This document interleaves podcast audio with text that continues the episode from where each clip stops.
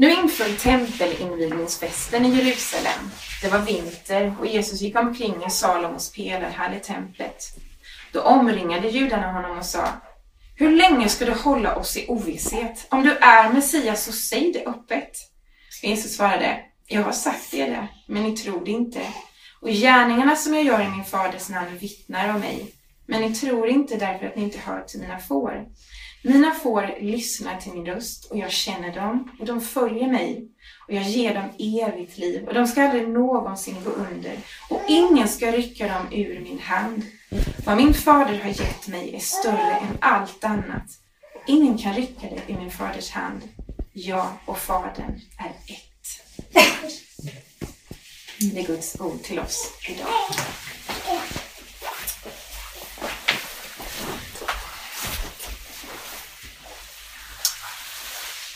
Här blir bäst tror jag. Um, alltså den här texten som, uh, som vi precis har lyssnat till den har uh, så otroligt många bottnar och det har gjort att jag, när jag har förberett mig för den här predikan så, så har jag liksom haft nä, nästan svårt att så här, välja. För det finns liksom otroligt många spår uh, som, man kan, som man kan ta. Alltså vi har den här frågan om Jesu messiaskap. Är du Messias? Frågar eh, judarna. Och sen har vi liksom i slutet en, en fråga om hans gudom. Alltså att han är ett med Fadern. Och vi har förståelsen om Jesus som den gode heden och vi har liksom att höra hedens röst och att få evigt liv och att vara trygg i hans hand och tillhörigheten till Jesus som liksom eh, gör att man kan höra hans ord. Alltså det är otroligt mycket. Eh, och, och, jag har försökt liksom säga nej men vi, vi tar inte allt idag för jag misstänker att det tar en hel dag i så fall. Så, så att vi, eh, vi cirkulerar kring det här med hederskap och konsekvenserna för vad det får liksom, eh, på en del av det andra. Eh, typ så. Huvuddragen i texten är ju ungefär så här att judarna de, de frågar Är du Messias? Och vi ska nog inte förstå det som att de eh, tänk, liksom sitter så här och verkligen undrar Är du Messias? Utan det är nog snarare så, och det, vi ser ju det liksom gång på gång i Johannesevangeliet att, att alltså, det, det, finns en ambiguitet, liksom, en, en, en tvåsidighet hos eh, judarna som presenteras av Johannes. Alltså, ibland så är de väldigt intresserade på typ Nikodemus i eh, det tredje kapitlet. Eh, men ganska ofta så är de så här, och särskilt när de är i klump, då Eh, då tenderar det att vara liksom så här, vi är ute efter att sätta dit dig och vi har ju till exempel den här berättelsen om äktenskapsbryterskan som vi, som vi vet liksom, den, den är ute efter att sätta dit eh, Jesus och så försöker han ta sig ur det hela liksom med eh, lite kluriga och smarta svar. Eh, och, och, det ska jag nog misstänka att det är så här eh, i det här fallet också. Men, och Jesus han svarar på sitt så här lite vanliga kryptiska sätt att jag har ju sagt det. Jaha, vad är det du har sagt då? Liksom? Jo, och det kan, man, man förstår ju att ja, jo, men jag har ju sagt att jag är Messias. Och nummer två, mina gärningar vittnar om att jag är det. Eh, och så, så kommer det här stora men. Liksom the but. Men ni tror inte. Och det gör ni inte eftersom att ni inte hör till mina får. Och eftersom att jag inte är er herde. Om ni hade varit mina får, då hade ni, då hade ni lyssnat till vad jag säger och följt mig. Och jag känner och jag vet vilka som är mina får och jag ger dem evigt liv. Och det kan ni verkligen lita på. Det är typ det som är själva innehållet. Och att Jesus talar eh, om det här med sig, om sig själv som herde, det kommer inte ur tomma intet. Eh, det finns flera gammaltestamentliga texter som talar om just det. En av dem är, en av söndagens texter är ju hämtad, är ju alltid hämtad från Gamla Testamentet och dagens är hämtad från Jeremia. Vi ska inte lösa den men, men där finns det också en tydlig koppling till det här med liksom hederskap och Gud som herde. Och, eh, det finns ja, i Psaltaren, eh, jag ska samla er som får. Alltså, det, det finns ett väldigt tydligt sånt tema. Och Dessutom så är flertalet gestalter, ganska viktiga gestalter i Gamla Testamentet just herdar eller ägare till får. Typ mm. Abraham, Jakob, Isak, Moses och David. Det vill säga egentligen de mest prominenta figurerna i hela Gamla Testamentet är just herdar på något sätt. Så, så att när, när Jesus säger att jag är den gode herden, då är inte det bara så här Ja, jag är en herde och så är jag en god sån också. Mm. Utan han, han kopplar in i någonting som är mycket, mycket större än så. Och så tänker jag på den här, den här 23 eh, och nu kommer vi till min första punkt här då. Eh, för det är inte helt tydligt. Eh, men alltså vi har ju hans 23 psalm i, i inledningen här idag. Och den här psalmen det är ju liksom, den handlar om en djup överlåtelse till den som är Davids herre, hans ägare, hans herde. Och många psalmer är skrivna i en stil som vi kallar för kiasm. Eh, och den bygger på ett, en slags ett format som ser ut typ så här. Det kan se, alltså, det kan se ut, det kan vara A, B, C, D, E, F, G och så vidare. Men ja, mitt förslag här då är liksom så här, A, B, C, C B, C. Eller BA. Eh, alltså det, och då är det så att det korrelerar liksom mellan A och A korrelerar med varandra och B och B korrelerar med varandra och C är, ibland så är det så att C korrelerar till ett C och ibland eh, alltså att det finns två mittenpartier. Men på, i den här salmen så finns det ett mittenparti och det är liksom det här tydliga så här, Ty du är med mig. Det är, alltså Herren är min herde, du är med mig. Mig ska inget fattas för du är med mig. Och det är liksom, det är centrum i hela, och det, jag, skulle kunna, jag skulle kunna upprepa hela salmen och den skulle liksom fungera på ett bra sätt med att bara lägga in ty du är med mig efter varje mening.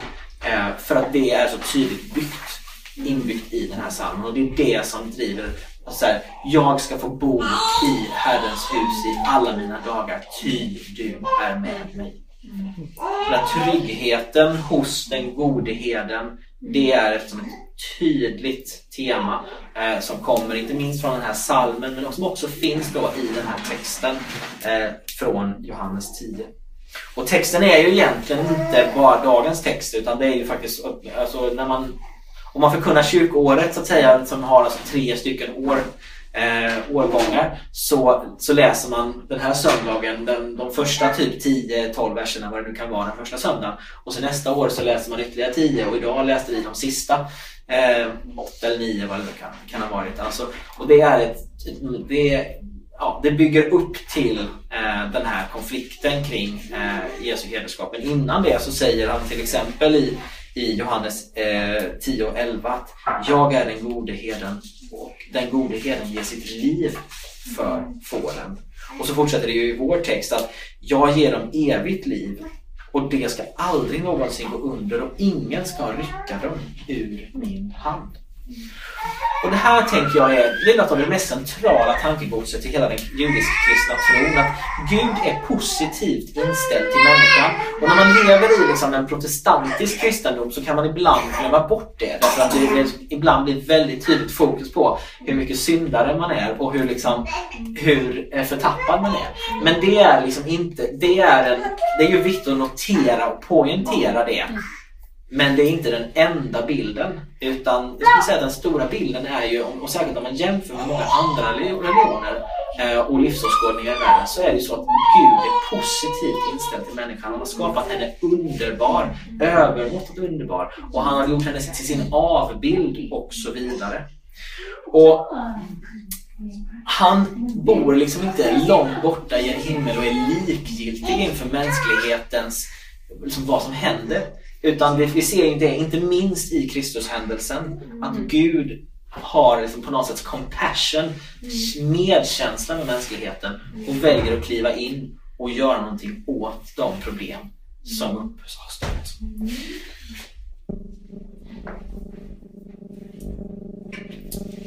Därför är en av de viktigaste poängerna i dagens text och i psalm 23 att vi kan vara trygga i den gode hedens omsorg. Och det innebär ju inte att du och jag inte liksom skulle kunna tappa bort oss själva i livet. Att jag inte skulle drabbas av olycka, att jag går säker från alla eventuella hemskheter som skulle kunna drabba mig i livet. Jag tror att vi alla är smärtsamt medvetna om att livet är skört och att det är orättvist många, många gånger. Eh, och man kan uppleva hopplöshet. Särskilt liksom när man vandrar i det som David beskriver som dödsskuggans dal det, det, är inte så här, och så, så att han så här, ty du är med mig innebär inte att allt kommer vara guld och gröna skogar och de här gröna ängarna och vattnet och allt det här.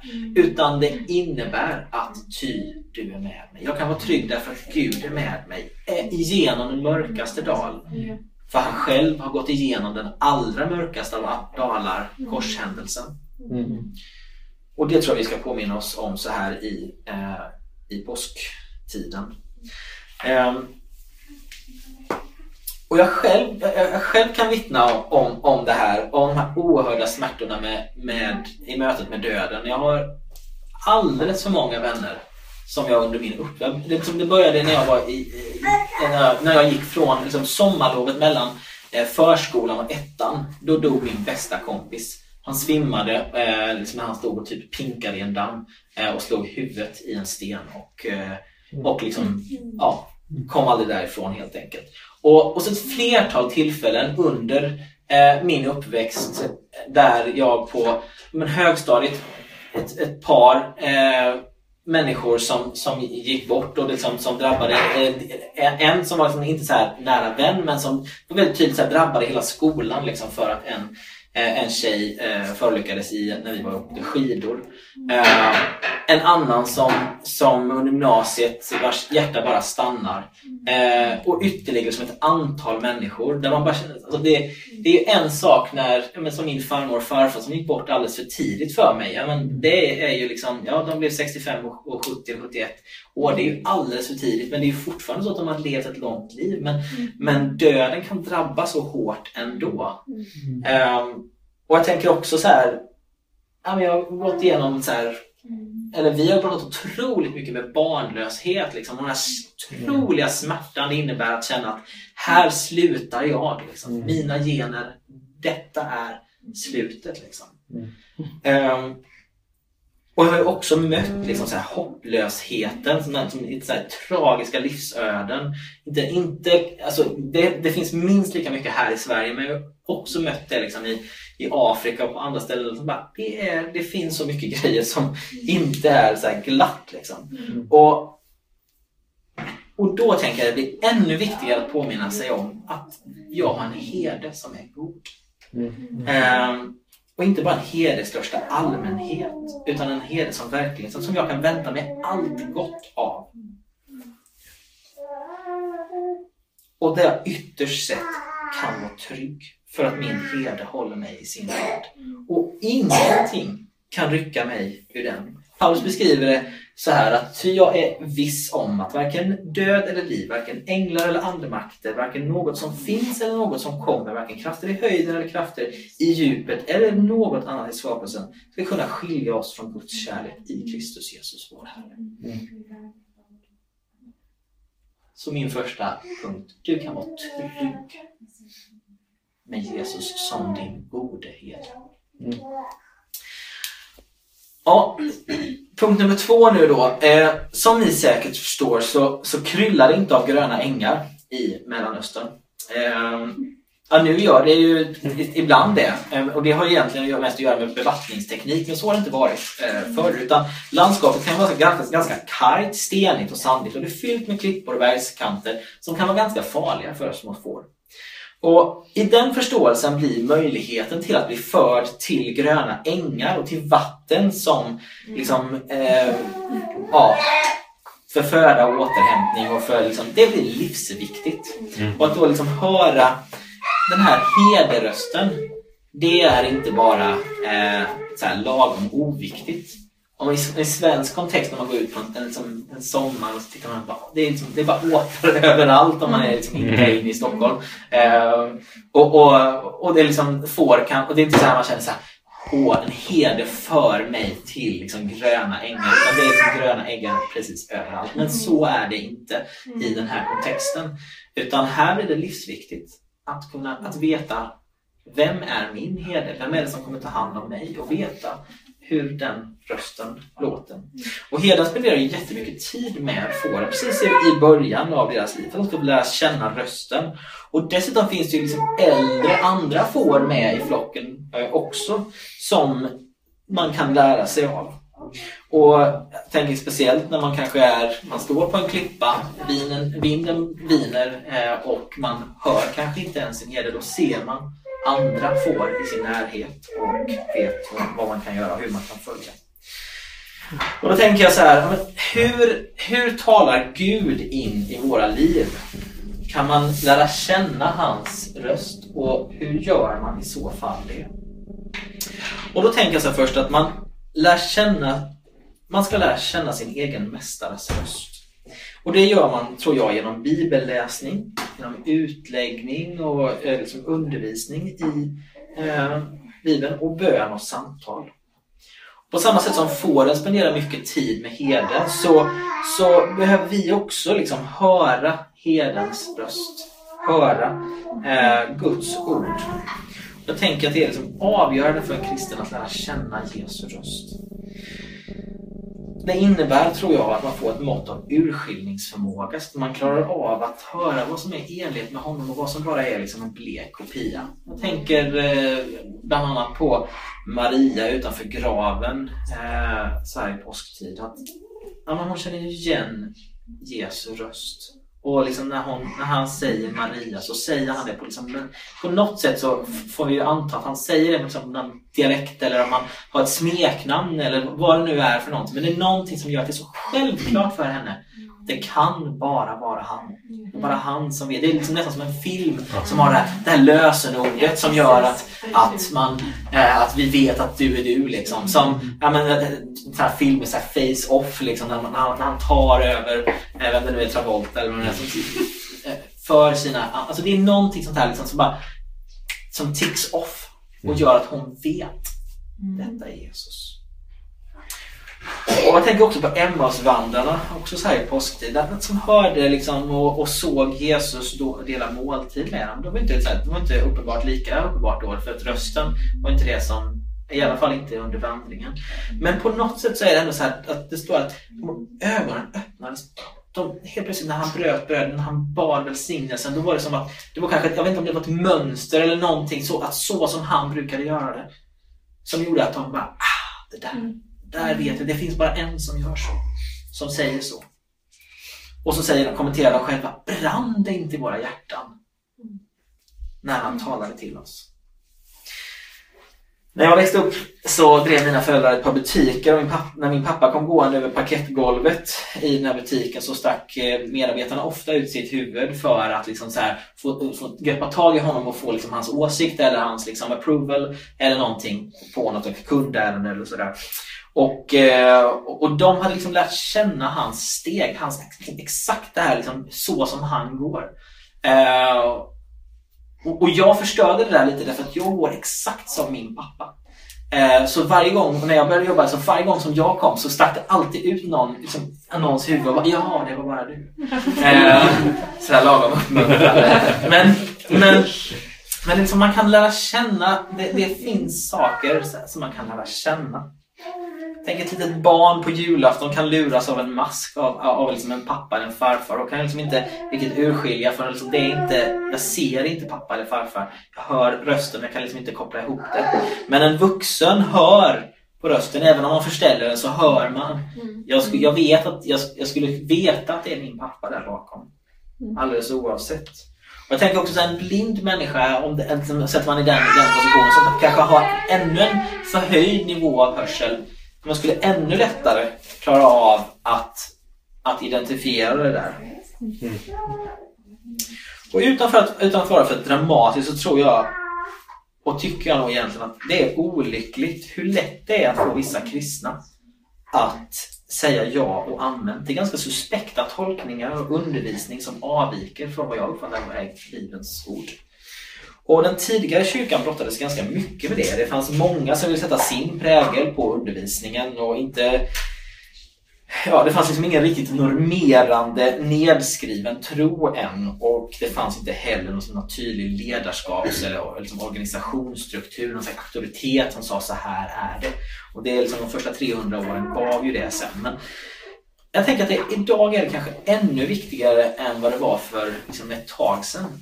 Alltså återigen, så höra ordet förkunnas i gudstjänsten. Att läsa trosbekännelsen högt och ljudligt och ofta. Och att Bibeln och utläggning får bli en aktiv del i livet.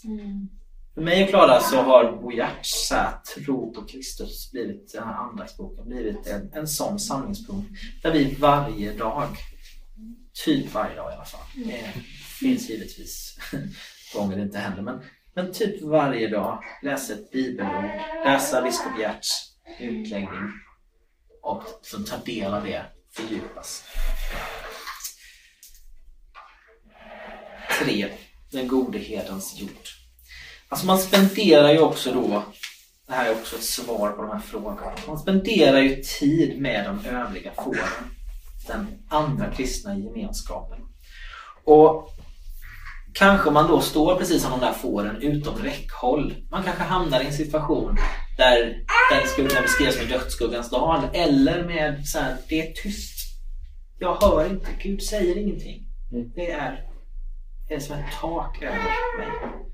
Då kan det nog vara ganska klokt att ha människor i sin närhet som, som kan tala och som, som själva kanske ser eller hör hans röst.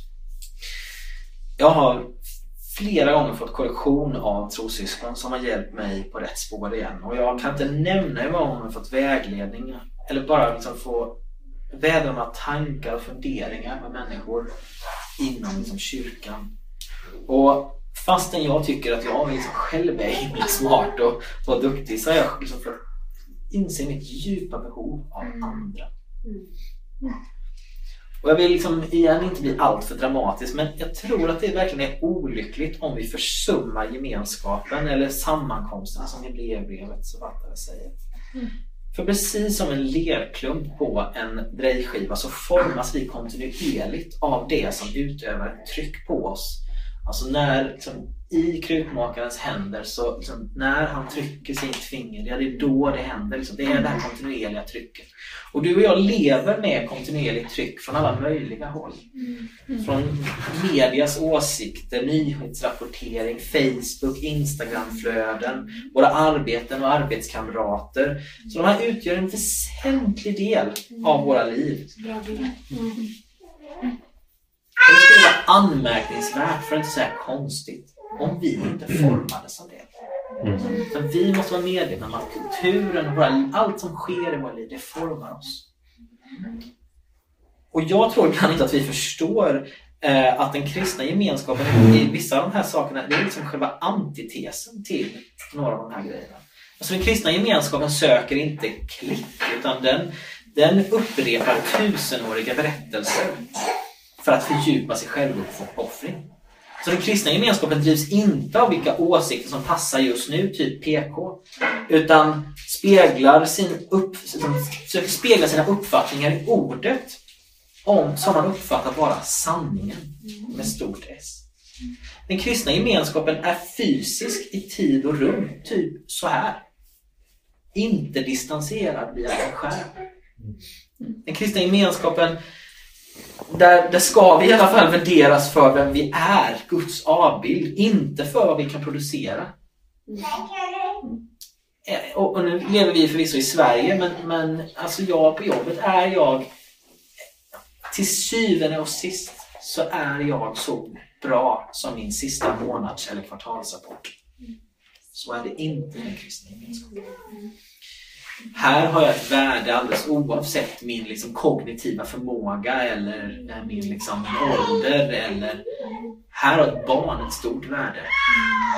Till och med ett, till, till och med ett ofött barn har ett stort värde. Till och med människor som, som har gjort hemska saker i sina liv har ett värde. Livets helgd är otroligt högt skattad. I den kristna gemenskapen är tanken att man kan visa sig sårbar och ändå vara omfamnad. På Facebook där ska man addera vänner, få likes och helst av allt framställa en bild av sig själv som polerad och ordnad. I've got it all together. I den kristna gemenskapen säger vi istället varje söndag att jag får inte ihop det. Jag är en syndare i behov av gemenskapens hjälp och Guds förlåtelse. Och i den kristna gemenskapen så är inte selfien av mig själv det viktigaste. Det är ikonen av Kristus. Att efterlikna och spegla sig i hans bild, inte i din egen strålglans. Mm. Och jag skulle kunna fortsätta i det oändliga. Liksom. Men poängen är att den kristna gemenskapen är formativ och den hjälper oss som en guide på resan genom det här ökenlandskapet som är våra liv. Och den är flocken i, i vilkens ledaren, herden, för oss till gröna ängar. Och den öken kan verkligen vara farlig, precis som den eh, palestinska öknen. Och jag tror att både du och jag har sett människor som har, som har förlorat sin tro eller som gått vilse. Som, som Paulus säger, har lidit skeppsbrott i tron. Som fastnat och strandat på grund av stormar och svåra passager. Och en av kyrkans gamla, gamla lärare från 200-talet heter Extra Ecclesiam Nulla sarus. Och det betyder typ så här, utanför kyrkan finns ingen frälsning. Och det är den första som nämndes, eh, som vi vet om är Cyprianus och, eh, i Kartago eh, på 200-talet. Och, och han skriver egentligen kring så här, en dopet och, liksom så här, och säger att nej, men, man ska, det är i den här gemenskapen som frälsning förvaltas. Och, och det, det, här kan bli tekniskt liksom, och det är inte det som är min poäng idag. Utan jag tror att Alltså jag tror att det finns något i detta och man ska inte tänka liksom primärt som så här, kyrkan som en organisation utan som en gemenskap. Alltså utanför, när man hamnar utanför gemenskapen, när man glider iväg. Mm. När man inte längre vill vara en del av vinstocken som, som den vinranka man är. När man inte längre vill vara får i den här jorden utan man vill gå sin egen väg. Mm.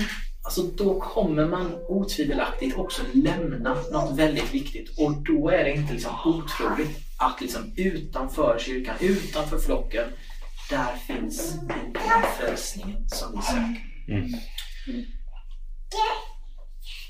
Nu vet vi att Jesus ger inte upp på oss. Lukas berättar om, om, om liksom det förlorade fåret, att han söker. Han kommer inte ge upp bara för att vi lämnar flocken. Bara för att, för att vi som vinra, liksom, vinranka vill, inte vill vara en del av vinstocken så är inte det samma sak som att han också stöter bort oss. Nej, så är det. Det, det vet vi. Och liksom, där kommer återigen den här tryggheten.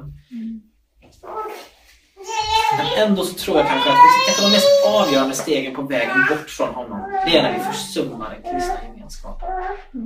Då, då missar vi, då hör vi inte längre hans röst. Och då går vi vilse i öknen.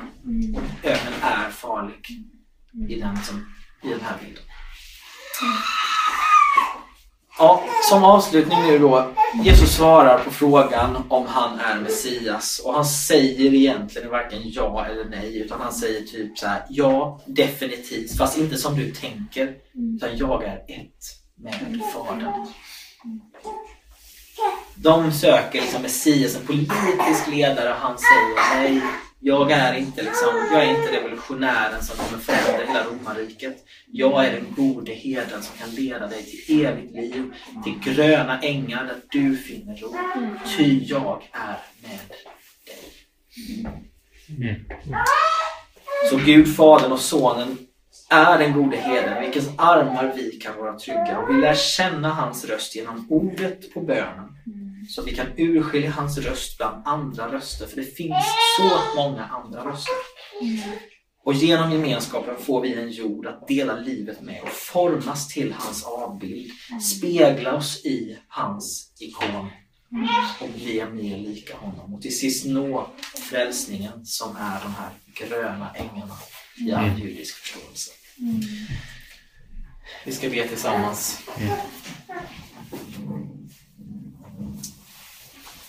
Tack Jesus för din godhet och din nåd. Tack för att du är vår gode herde.